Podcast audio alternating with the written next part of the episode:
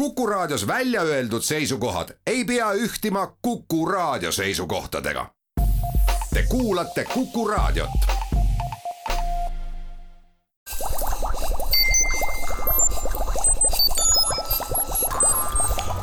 kukkuv õun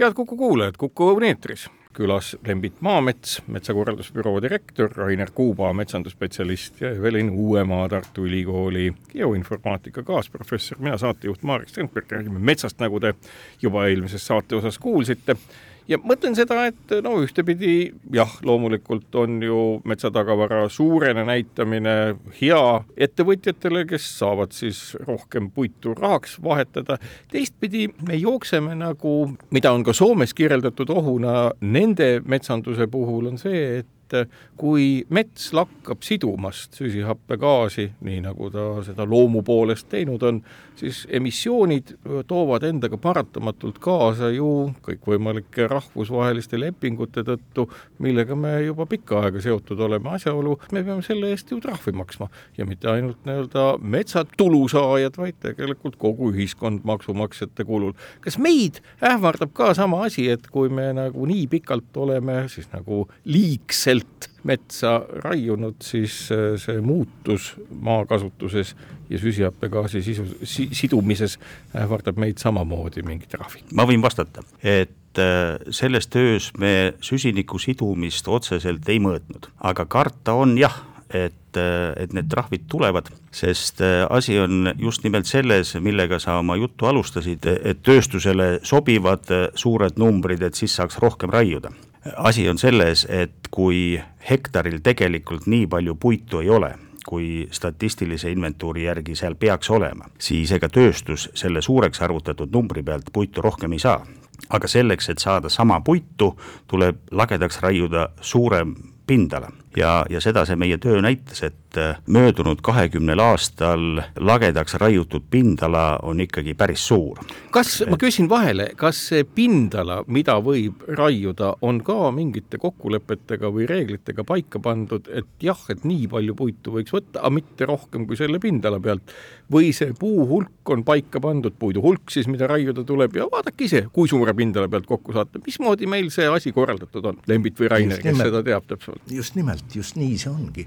kuidas e... siis, et kogus on paigas ja raiuge nii suurelt pindalalt, kui saate? täpselt, et selles ongi küsimus, mida me kogu aeg oleme rõhutanud, et äh, küsimus ei ole mitte selles numbris, vaid küsimus on selle, selle numbri tähenduses, selle numbri kasutamises ja kui äh, metsanduse arengukava äh, määrab meile sellise optimaalse puidukasutuse hulga, siis, siis see on tihumeetrites, kuid see on arvutatud siis äh, nende samade SMI hektari tagavaradega. kui me aga raiuma läheme ja seda tihumeetrit sealt kätte ei saa, siis järelikult me raiume ju järgmise hektari selleks, et see kes selle järgmise hektari raieõiguse siis reaalselt annab, maaomanik, riigimetsa majandamise keskus, sõltub, eks ole, kelle territooriumil see käib, ja see nii-öelda maa juurdevõtmine, et maht täis saaks, on igati legaalne no siin tuleb natukene asja täpsustada, küsimus on, me räägime, me räägime arengukava sellest ühest numbrist, mille ümber siis see tants on siiamaani käinud. see, kuidas RMK toimetab, on natukene teine. noh, meie artiklis oli ka ju toodud see, et, et kui RMK näitab oma bilansis eh, oma tagavara sada kaheksakümmend miljonit ja SMI näitab kakssada kolmkümmend miljonit, siis, eh, siis no jumal hoidku, midagi on ju lahti. meie arvutuste järgi oli see, oli see tagavara küll kakssada miljonit, aga see selleks, küsimus on selles, et RMK-s siiski arvutatakse äh, seda raiutavat puidumahtu ehk, ehk arvestuslanki siiski hektarite järgi. Äh, kui olete pannud tähele seda tantsu keskkonnaministri määruse või määramatuse üle. aga küsimus ongi selles, et kogu see number, mis on siis äh, metsanduse arengukavas esitatud ja mis on põhiliseks argumendiks kõigile raieõigustajatele, on võrreldes nüüd tegelikult metsast välja tuleva puiduga kuni kolmkümmend protsenti üle paisutatud. ehk kui me täidaksime metsanduse arengukavaga lubatud raiemahtu, siis raiuksime me tegelikult kolmkümmend protsenti pindalas üle. Evelin Uuemaa, küsin sellist asja, et no geoinformaatikas ja nii palju, kui ma ökosüsteemidest aru saan, ökosüsteem ei huvitu ju puidu tihumeetritest, vaid ikkagi pindalast, kui palju seal on seoseid, kui palju seal elab erinevaid liike ja kas nii-öelda see arusaam, et metsa kasutada saab ikkagi pindalapõhiselt, mitte tihumeetripõhiselt, ongi nagu see koht, kuhu piltlikult öeldes kogu see metsanduse ja ökoloogia koer on maetud, millest ei saa üle ega ümbert, et metsaraiujad ja tulusaajad ütlevad, et meil on vaja tihumeetrit, ökoloogid ütlevad, et küsimus on pindalas, et kui teatud ökosüsteemi terviklikkus läbi lõigatakse, siis ta lakkab toimimast, sidumisest saavadki emissioonid kas see seos on niivõrd raskelt siis otsustajatele arusaadavaks tehtud? vot seda on nüüd küll raske minule öelda. aga ma küsin, et kas see seos on selline, nagu ma kirjeldasin? No väga lihtsustatult öeldes küll jah, aga noh, loomulikult ökoloogiliselt võttes äh, ei ole tähtis ainult pindala, seal on ikka oluline, et mis seal peal kasvab ka. ja, ja, ja loomulikult, nagu- loomulikult. see on ka oluline, aga, aga lihtsustatult võib öelda, et jah, see seos on, on selline küll. ja pindala poolest on noh, mina ütlengi, et min, minu ekspertiis on geoinformaatika, kui ma andmetest ja kaugseirest läbi pindaladest vaatan, siis, siis on väga lihtne näha, et, et kui palju me oleme kahekümne aasta jooksul nii-öelda raiunud, et kui me niimoodi jätkame, siis me oleme nendel samadel aladel tagasi umbes kuuekümne aastaga. ehk et nagu raiering läheb noh, et me lihtsalt nagu vaatame, palju metsamaad on ja palju raiutakse, siis me oleme mingi hetk peame tagasi minema sinnasamma kohta, kus me juba raiusime, sest noh, mingi hetk saab see pindala otsa, kus me raiume nii-öelda ma küsin seda, et eh, noh, ökosüsteemide puhul räägitakse väga palju sellest, et ei tohiks neid nii-öelda läbi lõigata ja tekitada olukordi, kus sidusust enam ei ole. kas eh, geoinformaatiliselt on see läbilõikamine täna ka erinevate kaugseire ja muude andmete pealt näha? Äh, seda on võimalik äh, analüüsida, seda antud töö raames päris ei jõudnud teha, äh, sest see on natukene keerukam, et seal erinevate liikide, erinevate asjade puhul natuke sõltub see, et mis see on sidusus, et kus see sidusus katkeb ja kui suured need alad peavad olema ja sõltub jällegi kõikidest liikidest ja asjadest, aga on võimalik sellist analüüsi teha küll, jah ja selle, selles osas võib-olla töö käib isegi Tartu Ülikoolis mitmes äh, äh töörühmas, noh, Aveliina Helmi töörühm ja Asko Lõhmus äh, tegelevad selliste asjadega päris tihedalt ja mina teen nendega ka koostööd selles osas. ehk me tegelikult oleme toimimas nagu, kui ma nüüd võin kokku võtta ja kinnitage, kas see on nii või mitte, oludes, kus teades, mis metsa jätkusuutlikkuse tagab, me lõikame teadlikult või tahtmata, põhjust teada, mis seda läbilõikamisega kaasas käib, eks ole, tagajärg, et mets lakkab olemast, me lihtsalt loodame, et lühiajaline kasu õigustab ennast ja pikaajalist metsandust sellise läbilõikamise pealt nagu teha ei saagi. Ei, pikaajalist ei saa jah, ma ütleks veel konkreetsemalt, et meil noh, kui hästi otse öelda, siis äh, meile juba mitukümmend aastat valetatakse, et metsa kasvab nii hirmus palju peale, et seda lihtsalt ei jõuagi ära raiuda. et ka praegu vaadake, Keskkonnaministeeriumi kodulehel võrreldakse raiemahtu juurdekasvuga. aga, aga selle töö eesmärk oli näidata, et, et kui me ikkagi raiume metsad lagedaks, siis, siis metsamaa jääb alles, aga seda kooslust seal enam ei ole. ja, ja täpselt nagu sa ütledki, et, et ka kaitsealad saavad meil ökosüsteemi toetada ja hoida ainult sel juhul, kui kaitsealad on seotud omavahel. kui kaitsealadest tekivad isoleeritud saared, siis eh, noh, see ei, see ei tööta. et, eh, et veel kord see, et, et selle töö tulemus, eh, mis me saime, oli see, et metsa nii palju juurde ei kasva, nagu meile räägitakse, nii palju puitu hektari kohta metsas keskmiselt ka ja ka kõik kokku nii palju ei ole ja et lagedaks on raiutud liiga suur pindala, et sellises mahus raietega jätkamine saab kesta ainult lühikest aega ja, ja tulemused on halvad nii tööstuse kui looduse jaoks. siinkohal teeme saatesse ka väikese pausi ja kuulake meid pärast vaheaega. kukkuv õun head Kuku kuulajad, Kuku Õun jätkub. Teemaks metsandus, äh, saatel külas Lembit Maamets metsakorralduse büroost, Rainer Kuuba, haritud metsamees ja Evelin Uuemaa Tartu Ülikooli geoinformaatika kaasprofessor, mina saatejuht Marek Strandberg. ja see asi, mis Rainer eelmise saate osa lõpus ütles, et äh, on tehtud üks nagu selline mustkunstitrikk, mis äh, lühidalt kokku võetult on järgmine. on uuritud metsa juurdekasvu kiirusi ja üllatuslikul moel on tehtud sellest mingisuguse üsna arusaamatu võttega metsatagavara mõõt. Kuidas see nii saab olla ju, kõik saavad aru, et kui tõepoolest üks, noh, ma ei oska öelda, ma arvan, et äh, mis iganes idanev seeme on ju idu tekkimise käigus on see juurdekasv ju meeletu, meeletu, ütleme suhtelistes ühikutes, aga absoluutsetes ühikutes äh, süsinikumass seal on üsna kesine. kuidas on üldse juhtunud, et selline silmamoondus Eesti metsandusvaldkonnas on aset leidnud? küsingi, et kas üldse on selline silmamoondus aset leidnud, Lembit? No tegelikult tuleks, tuleks selle silmamoondusega minna tagasi sada aastat ja kui me loeme, ma eh, ilmselt ei eksi, kui ütlen, et see oli kolmekümne teise aasta Eesti Metsas, eh, kirjutas professor Mattiisen jooksvast juurdekasvust ja püüdis selgitada, et noh, et Eesti metsade tootlus on tunduvalt, tunduvalt kõrgem kui, kui seni kasutatud keskmine juurdekasv ehk, ehk siis seesama näitaja, mida meie kasutame, ehk, ehk see on siis see akumuleerunud puit metsas.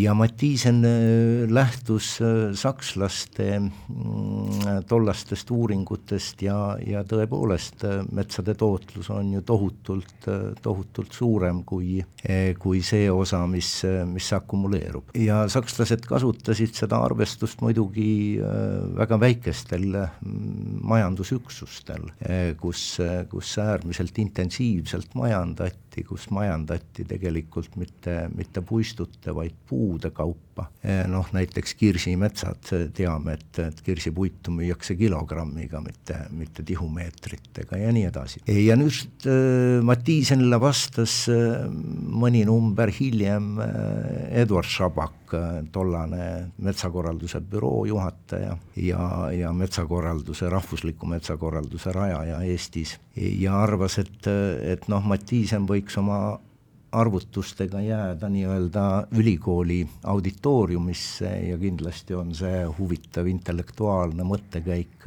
tudengitele, kuid päriselus ei ole nagu sellega midagi teha ja, ja ka põhjendas seda äh, just nimelt sellega, et kuna Eesti metsandus põhineb äh, lageraiemajandusel, äh, siis see, mis, mis selle kasvutsükli jooksul see üks hektar suudab produtseerida, on üks asi, kuid see, mis me sealt kätte saame, on, on absoluutselt teine muidugi on võimalik rohkem kätte saada, kui see, kui see keskmine juurdekasv vahekasutusraiete, sanitaarraietega ja nii edasi, eh, kuid, kuid selles reaalsuses, kus me täna elame, kus lageraietest tuleb kaheksakümmend protsenti kogu puidust, me ei saa lihtsalt opereerida selle jooksva juurdekasvuga. et ma olen ikka näitena toonud, et, et noh, tegelikult ju kui kevadel äh, puud lehte lähevad, siis kujutage ette, milline tohutu biomass meeletu biomassi kasv, jah võiks just, nagu selle alusel just, raiuma hakata. just, aga sügisel nagu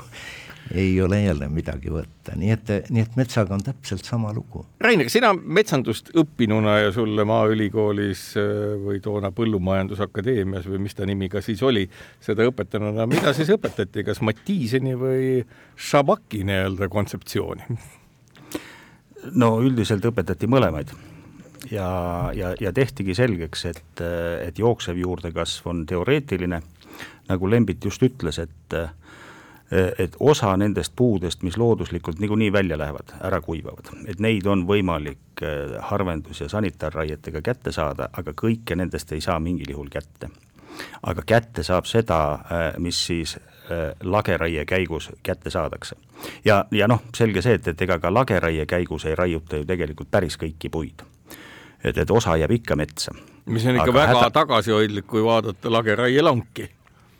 no just, nüüd tuuakse isegi oksad välja ja, ja, ja tuuakse välja ka kõik kuivad ja, ja, ja lamapuud, mis vähegi selle haaratsi lõugade vahel püsivad.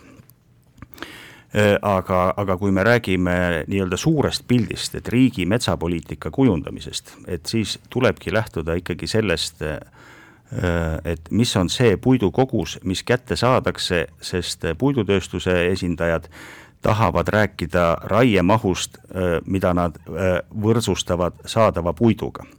Ja kui me ühelt poolt räägime teoreetilisest jooksvast juurdekasvust ja, ja teiselt poolt puidust, mis koormasse tõstetakse, siis tulemuseks ongi see, et, et, et isegi see SMI juba näitab, et juba viis aastat tagavara väheneb, kuigi juurdekasvu numbri järgi ta ei tohiks väheneda. Nüüd taust ju selline, et viimase kolmekümne või natuke enama aasta jooksul on metsadest arusaam noh, üsna kardinaalselt muutunud. On mõistma hakatud, mida tähendab metsaalune pinnas, kui suur hulk süsinikku sinna ladestunud on kõikvõimalikku ellu, küll mikroorganismidesse, seentesse ja kellesse veel, ja kogu see asi on pidevas sellises omavahelises suhtlemises ja noh, ega ju siis nii-öelda nafta ja gaas ja süsigi või ka muul moel ei teki kui ikka sel moel, et et metsade all olev pinnas kasvab, kasvab, kasvab, sinna koguneb süsinikku ja mingil hetkel siis toimub selline geoloogiline muutus. Nüüd selles kontekstis mul üks küsimus on, et ma ei oskagi öelda, kes vastab, kas Evelin või keegi teine, aga nüüd, kui me kujutame ette, et sageli ju räägitakse sellest, et noh, jaa, meil siin tekkis mingisugune tegevus, mille tulemusena meil siin süsihappegaasi emiteeriti, me läheme ja istutame metsaalale puu ma just mõtlen, et kui mets ise terviksüsteemina on lakanud toimimast ja tekitab emissioone rohkem kui sidumist, isegi siis, kui ta kasvab, aga just selle tõttu, et seal on midagi paigast läinud, kas see puu istutamine üldse omab mingit tähendust metsaalale, mis üldiselt sidumisvõimet enam ei oma? Natuke läheb see minu ekspertiisist välja, aga, aga kindlasti noh, selles mõttes, et tegelikult esiteks peab arvestama seda, et meie laiuskraadidel väga suur osa süsinikust on hoopiski maa all. just, seda äh, ma mõtlengi, kaks peal. korda rohkem ja. kui, kui maa, maa peal ju. täpselt äh, ja kui me lõikame selle metsa ära, siis see maa-alune osa lakkab nii-öelda ka funktsioneerimast, ehk et kõik, mis sinna on kogunenud, hakkab nii-öelda lagunema, leostuma. ehk et ta ei hoia enam seda ka kinni nii-öelda ja teine asi on see, et, ähm, et, et kui me isegi istutame puud peale, aga me viime nad ära ja suur osa ikkagi läheb meil pelletitesse, siis see läheb ju tagasi taevasse kõik uuesti või isegi kui ta läheb mööblisse, siis ainult väike osa sellest võib-olla talletub mööblisse. aga noh, see osa on ikkagi veel natukene ebaselge, et kui suur osa tegelikult ikkagi ongi tõesti see maa-alune osa, me tõenäoliselt alahindame, kui suur osa on sellel ja täpselt see, et see mets ökosüsteemina tervikuna hoiab palju rohkem kui meil lihtsalt see nii-öelda tikupõld, et me istutame puud peale, siis võtame jälle ära ja siis arvame, et me niimoodi seome. tegelikult tõenäoliselt ikkagi sidumine on ikkagi palju suurem, kui see mets saab kasvada kauem, toimida terve funktsioneeriva ökosüsteemina kauem ja siduda ka maa all korralikult ja palju rohkem kui praegune nii-öelda äh, ütleme siis jah, väga intensiivne metsamajandus seda äh, eeldatavalt teeb Rainer, me, me oleme olukorras, kus äh, no nii-öelda küsimus ressursist on loomulikult alati oluline, millal see pole olnud, aga tänu sellele, et me oleme alla kirjutanud kõikvõimaliku kliima ja liigirikkuse lepetele siin viimase kolmekümne aasta jooksul, alates Rio de Janeirost kuni Pariisi leppe, lepinguni viimati siis me oleme ju olukorras, kus seesama süsinikubilanss on majanduse aspektina sama oluline kui see, kui palju me, no ma ei tea, puitu saame või mis iganes muud sellist.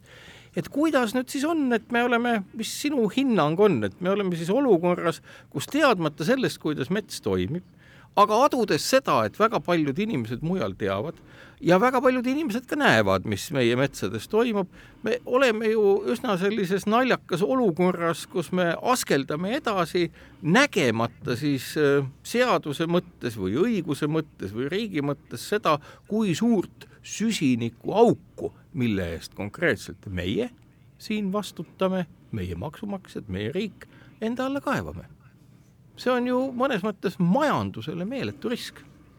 muidugi on see risk. Et ma saan aru, su küsimuses sõna naljakas oli jutumärkides. see oli, see oli, see oli väga mitmetes jutumärkides, sellepärast et see on tegelikult riskantne ja õnnetu. Just, et, et tegelik seis on väga kurb et, et kui kõnelda sellest süsini-, et, et Eesti metsad seovad või emiteerivad süsinikku, siis äh, seal taga on erinevad valemid, aga kui see lihtsalt seletada, siis Eesti metsadest äh, sai emiteerija mitte sellepärast, et, et nüüd hirmus palju süsinikku metsast atmosfääri paiskub, vaid et äh, metsas seotud süsiniku hulk vähenes, ehk keskmine hektari tagavara on ka SMI järgi hakanud vähenema mis on loogiline, sest et kui raiutakse palju, siis keskmine tagavara ka SMI andmetel hakkab langema äh, aga asjal on veel ka see teine tahk, äh, et kui, et asi läheb veel hullemaks, sest äh, noh, mina ja ma tean, et paljud minusugused on ammu kõnelenud, et metsast ei tohi kõneleda kui süsiniku atmosfäärist väljapumpajat, vaid et mets tegelikult on ikkagi süsiniku salvestaja. Metsas on süsinik seotud puidus, juurtes, mullas. Ja kui metsast puud ära viiakse, tehakse raie, siis noh, see puidus seotud süsinik on metsast ära viidud, mullas olev süsinik hakkab lagunema, mingil määral mulla süsinik ikkagi veel on, loomulikult, kui uued puud hakkavad peale kasvama, siis nad hakkavad süsinikku siduma, aga tuleb arvestada, et noortes metsades on ka puude väljalangemine väga suur mis omakorda jälle vabastab süsinikku. aga tõsine probleem tuleb sellest, et kui meil äh, metsa- ja puidutöösturid räägivad, et raietega me seome süsinikku, siis raietega on võimalik süsinikku siduda ainult siis, kui sellest puidust tehakse midagi, mis kestab, mis väga, kestab väga kauem, võrreldes sellega, kui kaua mädaneks või kõduneks puu metsas. et jäme puu kõduneb metsas aastakümneid, võib-olla isegi sada aastat aga kui vaadata seda, mis meil metsas on nüüd toimunud, MAH-i tulemused on näidanud, et okasmetsade pindala on tegelikult MAH vähenenud. on nüüd mis asi? metsanduse alternatiivne hindamine okay. et, et siis see meie uus projekt näitab, et võrreldes kolmekümne aasta taguse seisuga on okasmetsade pindala vähenenud, äh, et äh, mitte suhteliselt, vaid ka absoluutarvudes. just, et vanad okasmetsad, suur osa nendest on kaitsealadel ja kui me räägime ka männikutest, siis mida vanemad männikud, seda suurem osa neist on kehva boniteediga ehk nii-öelda soo, soomännikud. aga kuusikutes näiteks kuuekümne ühe kuni kaheksakümne aasta vanuste kuusikute pindala on kolmekümne aastaga kukkunud umbes kaks korda. ja see on, need on just need metsad, kus nagu raiutakse praegu, aga neid metsi on praegu kaks, kaks korda vähem, kui oli kolmkümmend aastat tagasi aga kus on hästi palju puitu, kus võiks raiuda, need on lehtmetsad. lehtmetsade pindala on kõvasti suurenenud, eriti kõvasti on suurenenud hall-lepikute pindala. aga hall-lepikute puidus ei ole võimalik süsinikku kaua siduda, ükskõik mis nipi sa välja mõtled, sellest ei saa teha maju, mis kestaksid kaua, sellest ei saa teha kauakestvat mööblit, et äh, selle möödunud kümnendite metsamajandamisel tulemusel oleme me jõudnud olukorda, et edaspidisest puidust järjest suurema osa moodustab see puit, millega peale kütmise praktiliselt suurt midagi teha ei saagi. ehk et see süsinikuauk, millest sa rääkisid, senise majandamise jätkudes läheb väga kiiresti väga palju suuremaks. siinkohal teeme aga saatesse väikese pausi ja kuulake meid pärast vaheaega edasi. kukkuv õun head Kuku kuulajad, Kuku Õun jätkub. teemaks metsandus, saatel külas Lembit Maamets metsakorralduse büroost, Rainer Kuuba, haritud metsamees ja Evelin Uuemaa Tartu Ülikooli geoinformaatika kaasprofessor, mina saatejuht Marek Strandberg. ja see asi, mis Rainer eelmise saate osa lõpus ütles, et äh, on tehtud üks nagu selline mustkunstitrikk, mis äh, lühidalt kokku võetult on järgmine. on uuritud metsa juurdekasvu kiirusi ja üllatuslikul moel on tehtud sellest mingisuguse üsna arusaamatu võttega metsa tagavara mõõt kuidas see nii saab olla ju, kõik saavad aru, et kui tõepoolest üks, noh, ma ei oska öelda, ma arvan, et äh, mis iganes idanev seeme on ju idu tekkimise käigus on see juurdekasv ju meeletu, meeletu, ütleme suhtelistes ühikutes, aga absoluutsetes ühikutes äh, süsinikumass seal on üsna kesine. kuidas on üldse juhtunud, et selline silmamoondus Eesti metsandusvaldkonnas on aset leidnud? Küsingi, et kas üldse on selline silmamoondus aset leidnud, Lembit? No tegelikult tuleks, tuleks selle silmamoondusega minna tagasi sada aastat ja kui me loeme, ma ilmselt ei eksi, kui ütlen, et see oli kolmekümne teise aasta Eesti Metsas, kirjutas professor Mattiisen jooksvast juurdekasvust ja püüdis selgitada, et noh, et Eesti metsade tootlus on tunduvalt, tunduvalt kõrgem kui, kui seni kasutatud keskmine juurdekasv ehk, ehk siis seesama näitaja, mida meie kasutame, ehk, ehk see on siis see akumuleerunud puit metsas. ja Mattiisen äh, lähtus äh, sakslaste mm, tollastest uuringutest ja, ja tõepoolest metsade tootlus on ju tohutult, tohutult suurem kui, kui see osa, mis, mis akumuleerub. ja sakslased kasutasid seda arvestust muidugi väga väikestel majandusüksustel, kus, kus kus äärmiselt intensiivselt majandati, kus majandati tegelikult mitte, mitte puistute, vaid puude kaupa. noh, näiteks kirsimetsad, teame, et, et kirsipuitu müüakse kilogrammiga, mitte, mitte tihumeetritega ja nii edasi. ja nüüd äh, Mattiisenile vastas mõni number hiljem Eduard Šabak, tollane metsakorralduse büroo juhataja ja, ja metsakorralduse, rahvusliku metsakorralduse rajaja Eestis ja arvas, et, et noh, Mattiisen võiks oma arvutustega jääda nii-öelda ülikooli auditooriumisse ja kindlasti on see huvitav intellektuaalne mõttekäik tudengitele, kuid päriselus ei ole nagu sellega midagi teha ja, ja ka põhjendas seda äh, just nimelt sellega, et kuna Eesti metsandus põhineb äh, lageraiemajandusel, äh, siis see, mis, mis selle kasvutsükli jooksul see üks hektar suudab produtseerida, on üks asi, kuid see, mis me sealt kätte saame, on, on absoluutselt teine muidugi on võimalik rohkem kätte saada kui see, kui see keskmine juurdekasv vahekasutusraiete, sanitaarraietega ja nii edasi, e, kuid, kuid selles reaalsuses, kus me täna elame, kus lageraietest tuleb kaheksakümmend protsenti kogu puidust, me ei saa lihtsalt opereerida selle jooksva juurdekasvuga. et ma olen ikka näitena toonud, et, et noh, tegelikult ju kui kevadel äh, puud lehte lähevad, siis kujutage ette, milline tohutu biomass. meeletu biomassi kasv jah võiks just, nagu selle alusel just, raiuma hakata. just, aga sügisel nagu ei ole jälle midagi võtta, nii et, nii et metsaga on täpselt sama lugu. Rainer, sina metsandust õppinuna ja sulle Maaülikoolis äh, või toona Põllumajandusakadeemias või mis ta nimi ka siis oli, seda õpetanuna, mida siis õpetati, kas Mattiiseni või Šabaki nii-öelda kontseptsiooni? no üldiselt õpetati mõlemaid ja, ja, ja tehtigi selgeks, et jooksev juurdekasv on teoreetiline, nagu Lembit just ütles, et äh, osa nendest puudest, mis looduslikult niikuinii välja lähevad, ära kuivavad, et neid on võimalik äh, harvendus- ja sanitaarraietega kätte saada, aga kõike nendest ei saa mingil juhul kätte. aga kätte saab seda, äh, mis siis lageraie käigus kätte saadakse. ja, ja noh, selge see, et, et ega ka lageraie käigus ei raiuta ju tegelikult päris kõiki puid, et, et osa jääb ikka metsa mis on ikka aga väga häda... tagasihoidlik, kui vaadata lageraielanki.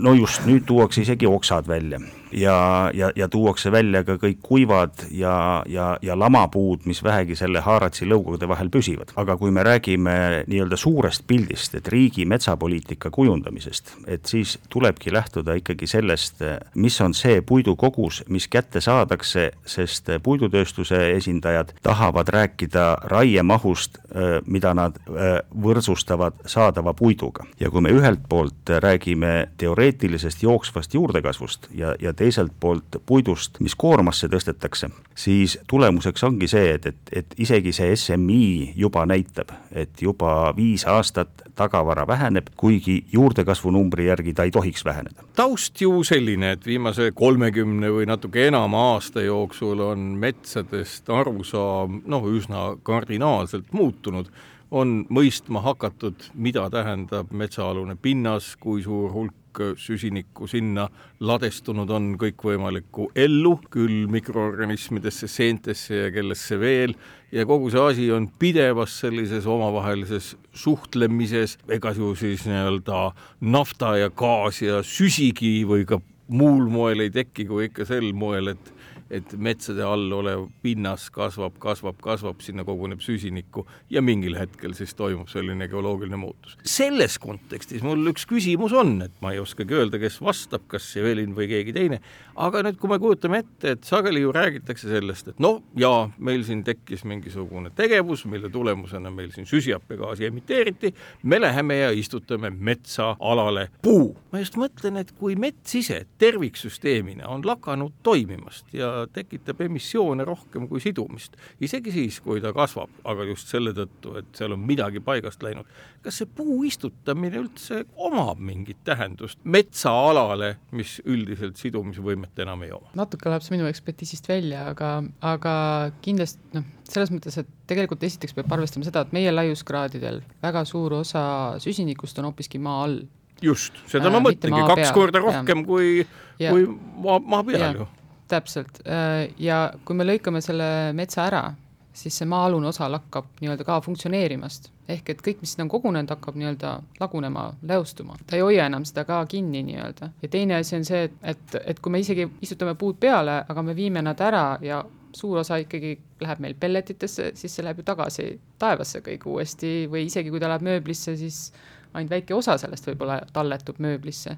Aga noh, see osa on ikkagi veel natukene ebaselge, et kui suur osa tegelikult ikkagi ongi tõesti see maa-alune osa, tõenäoliselt alahindame, kui suur osa on sellel ja täpselt see, et see mets ökosüsteemina tervikuna hoiab palju rohkem, kui me lihtsalt see nii-öelda tikupõld, et me istutame puud peale, siis võtame jälle ära ja siis arvame, et me niimoodi seome. tegelikult tõenäoliselt ikkagi sidumine on ikkagi palju suurem, kui see mets saab kasvada kauem, toimida terve funktsioneeriva ökosüsteemina kauem ja siduda ka maa all korralikult ja palju rohkem, kui praegune nii-öelda äh, ütleme siis jah, väga intensiivne metsamajandus seda eeldatavalt teeb. Rainer, me oleme olukorras, kus äh, no nii-öelda küsimus ressursist on loomulikult alati oluline, millal see pole olnud, aga tänu sellele, et me oleme alla kirjutanud kõikvõimaliku kliima ja liigirikkuse lepetele siin viimase kolmekümne aasta jooksul, alates Rio de Janeirost kuni Pariisi lep-, lepinguni viimati, siis me oleme ju olukorras, kus seesama süsinikubilanss on majanduse aspektina sama oluline kui see, kui palju me, no ma ei tea, puitu saame või mis iganes muud sellist, et kuidas nüüd siis on, et me oleme, mis sinu hinnang on, et me oleme siis olukorras, kus teadmata sellest, kuidas mets toimib, aga adudes seda, et väga paljud inimesed mujal teavad, ja väga paljud inimesed ka näevad, mis meie metsades toimub. me oleme ju üsna sellises naljakas olukorras, kus me askeldame edasi, nägemata siis äh, seaduse mõttes või õiguse mõttes või riigi mõttes seda, kui suurt süsinikuauku, mille eest konkreetselt meie siin vastutame, meie maksumaksjad, meie riik enda alla kaevame. see on ju mõnes mõttes majandusele meeletu risk. muidugi on see risk, et ma saan aru, su küsimuses sõna naljakas oli jutumärkides. see oli, see oli, see oli väga mitmetes jutumärkides, sellepärast et see on tegelikult riskantne ja õnnetu just, et, et tegelik seis on väga kurb, et, et kui kõnelda sellest süsini-, et, et Eesti metsad seovad või emiteerivad süsinikku, siis seal taga on erinevad valemid, aga kui see lihtsalt seletada, siis Eesti metsadest sai emiteerija mitte sellepärast, et, et nüüd hirmus palju süsinikku metsast atmosfääri paiskub, vaid et metsas seotud süsiniku hulk vähenes, ehk keskmine hektari tagavara on ka SMI järgi hakanud vähenema. mis on loogiline, sest et kui raiutakse palju, siis keskmine tagavara ka SMI andmetel hakkab langema. Äh, aga asjal on veel ka see teine tahk, äh, et kui, et asi läheb veel hullemaks, sest äh, noh, mina ja ma tean, et paljud minusugused on ammu kõnelenud, et metsast ei tohi kõneleda kui süsinikku atmosfäärist väljapumpajat, vaid et mets tegelikult on ikkagi süsiniku salvestaja. metsas on süsinik seotud puidus, juurtes, mullas ja kui metsast puud ära viiakse, tehakse raie, siis äh, noh, see puidus seotud süsinik on metsast ära viidud, mullas olev süsinik hakkab lagunema, mingil määral mulla süsinik ikkagi veel on, loomulikult, kui uued puud hakkavad peale kasvama, siis nad hakkavad süsinikku siduma, aga tuleb arvestada, et noortes metsades on ka puude väljalangemine väga suur mis omakorda jälle vabastab süsinikku, aga tõsine probleem tuleb sellest, et kui meil metsa- ja puidutöösturid räägivad, et raietega me seome süsinikku, siis raietega on võimalik süsinikku siduda ainult siis, kui sellest puidust tehakse midagi, mis kestab, mis väga, kestab väga kauem, võrreldes sellega, kui kaua mädaneks või kõduneks puu metsas et jäme puu kõduneb metsas aastakümneid, võib-olla isegi sada aastat. Äh, aga kui vaadata seda, mis meil metsas on nüüd toimunud, MAH-i tulemused on näidanud, et okasmetsade pindala on tegelikult MAH vähenenud. on nüüd mis asi? metsanduse alternatiivne hindamine okay.. et, et siis see meie uus projekt näitab, et võrreldes kolmekümne aasta taguse seisuga on okasmetsade pindala vähenenud. ja mitte suhteliselt, vaid ka absoluutarvudes. just, et vanad okasmetsad, suur osa nendest on kaitsealadel ja kui me räägime ka männikutest, siis mida vanemad männikud, seda suurem osa neist on kehva boniteediga ehk nii-öelda soo, soomännikud. aga kuusikutes näiteks kuuekümne ühe kuni kaheksakümne aasta vanuste kuusikute pindala on kolmekümne aastaga kukkunud umbes kaks korda. Need on just need metsad, kus nagu raiutakse praegu, aga neid metsi on praegu kaks, kaks korda vähem, kui oli kolmkümmend aastat tagasi aga kus on hästi palju puitu, kus võiks raiuda, need on lehtmetsad. lehtmetsade pindala on kõvasti suurenenud, eriti kõvasti on suurenenud hall-lepikute pindala. aga hall-lepikute puidus ei ole võimalik süsinikku kaua siduda, ükskõik mis nipi sa välja mõtled, sellest ei saa teha maju, mis kestaksid kaua, sellest ei saa teha kauakestvat mööblit, selle möödunud kümnendite metsamajandamisel tulemusel oleme me jõudnud olukorda, et edaspidisest puidust järjest suurema osa moodustab see puit, millega peale kütmise praktiliselt suurt midagi teha ei saagi. ehk et see süsinikuauk, millest sa rääkisid, senise majandamise jätkudes läheb väga kiiresti väga palju suuremaks. siinkohal teeme aga saates väikese pausi ja kuulake meid pärast vaheaega edasi kukkuv õun. head Kuku kuulajad, Kuku Õun eetris. räägime metsandusest, külas metsakorralduse büroo direktor Lembit Maamets, metsamees ja metsaalal haritud Rainer Kuuba ja Evelin Uuemaa, kes on geoinformaatika kaasprofessor Tartu Ülikoolist. üks asi, mis sa mainisid, et noh, et puu kõduneb, ma just mõtlen seda, et äh, andke kinnitust või lükake ümber, et tegelikult ju selle kõdunemise käigus ei lagunda seened ja muud organismid seda ju pelgalt süsihappegaasiks, vaid see kõdunemine ju laias laastus ongi see, et see osa süsinikust kantakse ju sellesse samasse mullakihti ja muutub seal aktiivselt ainevahetuse osaks, ehk et ta ei lenda atmosfääri.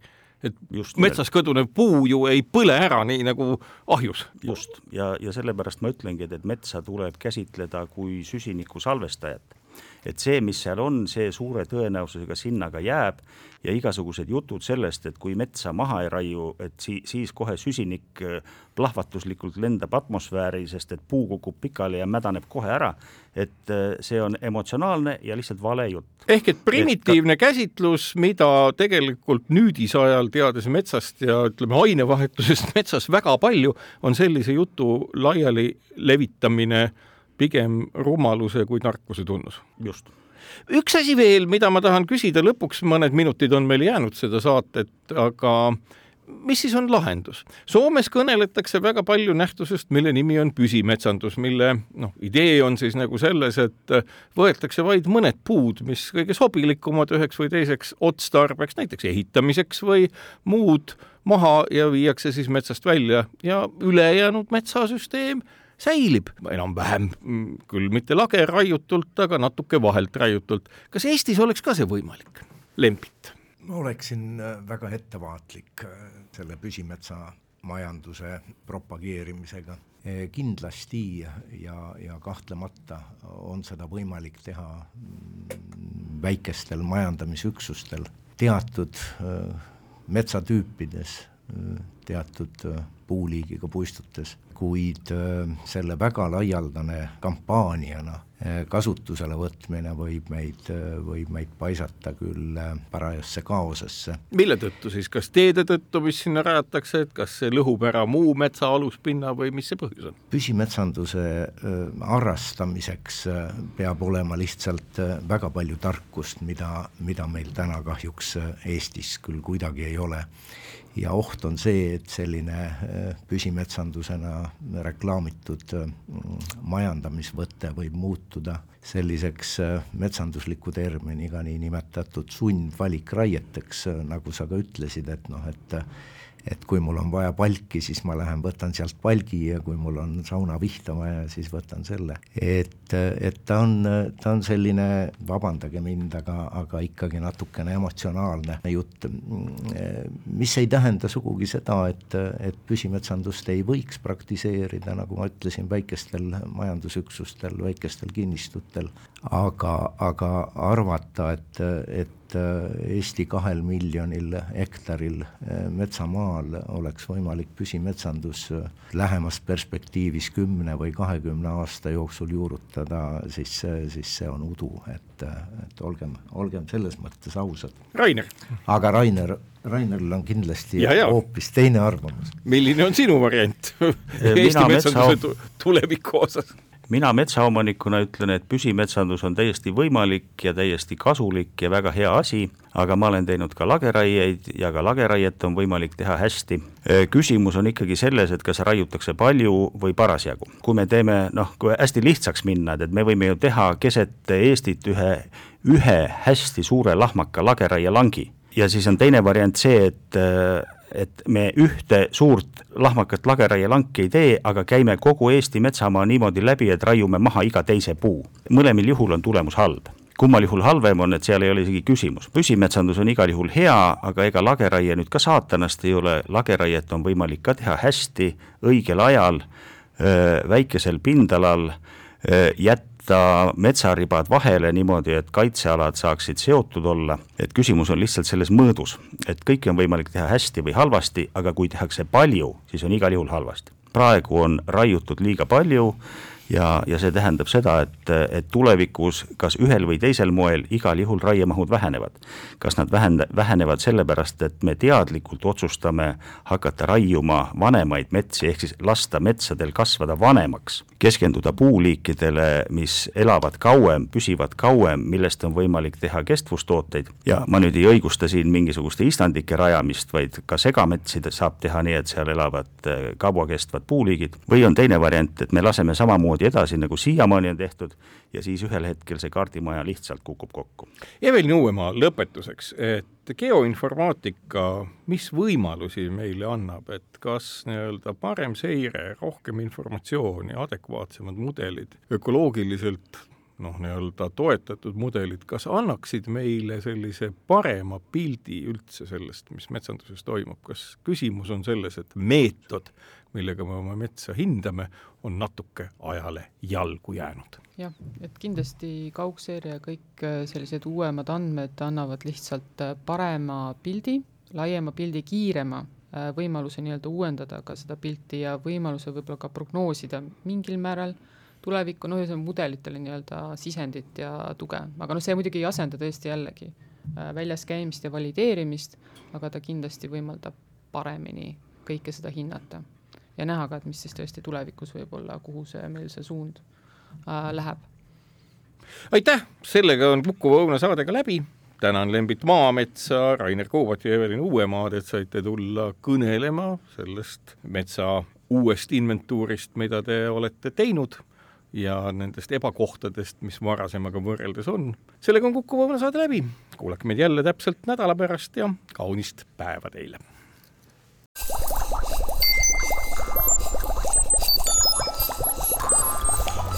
kukkuv õun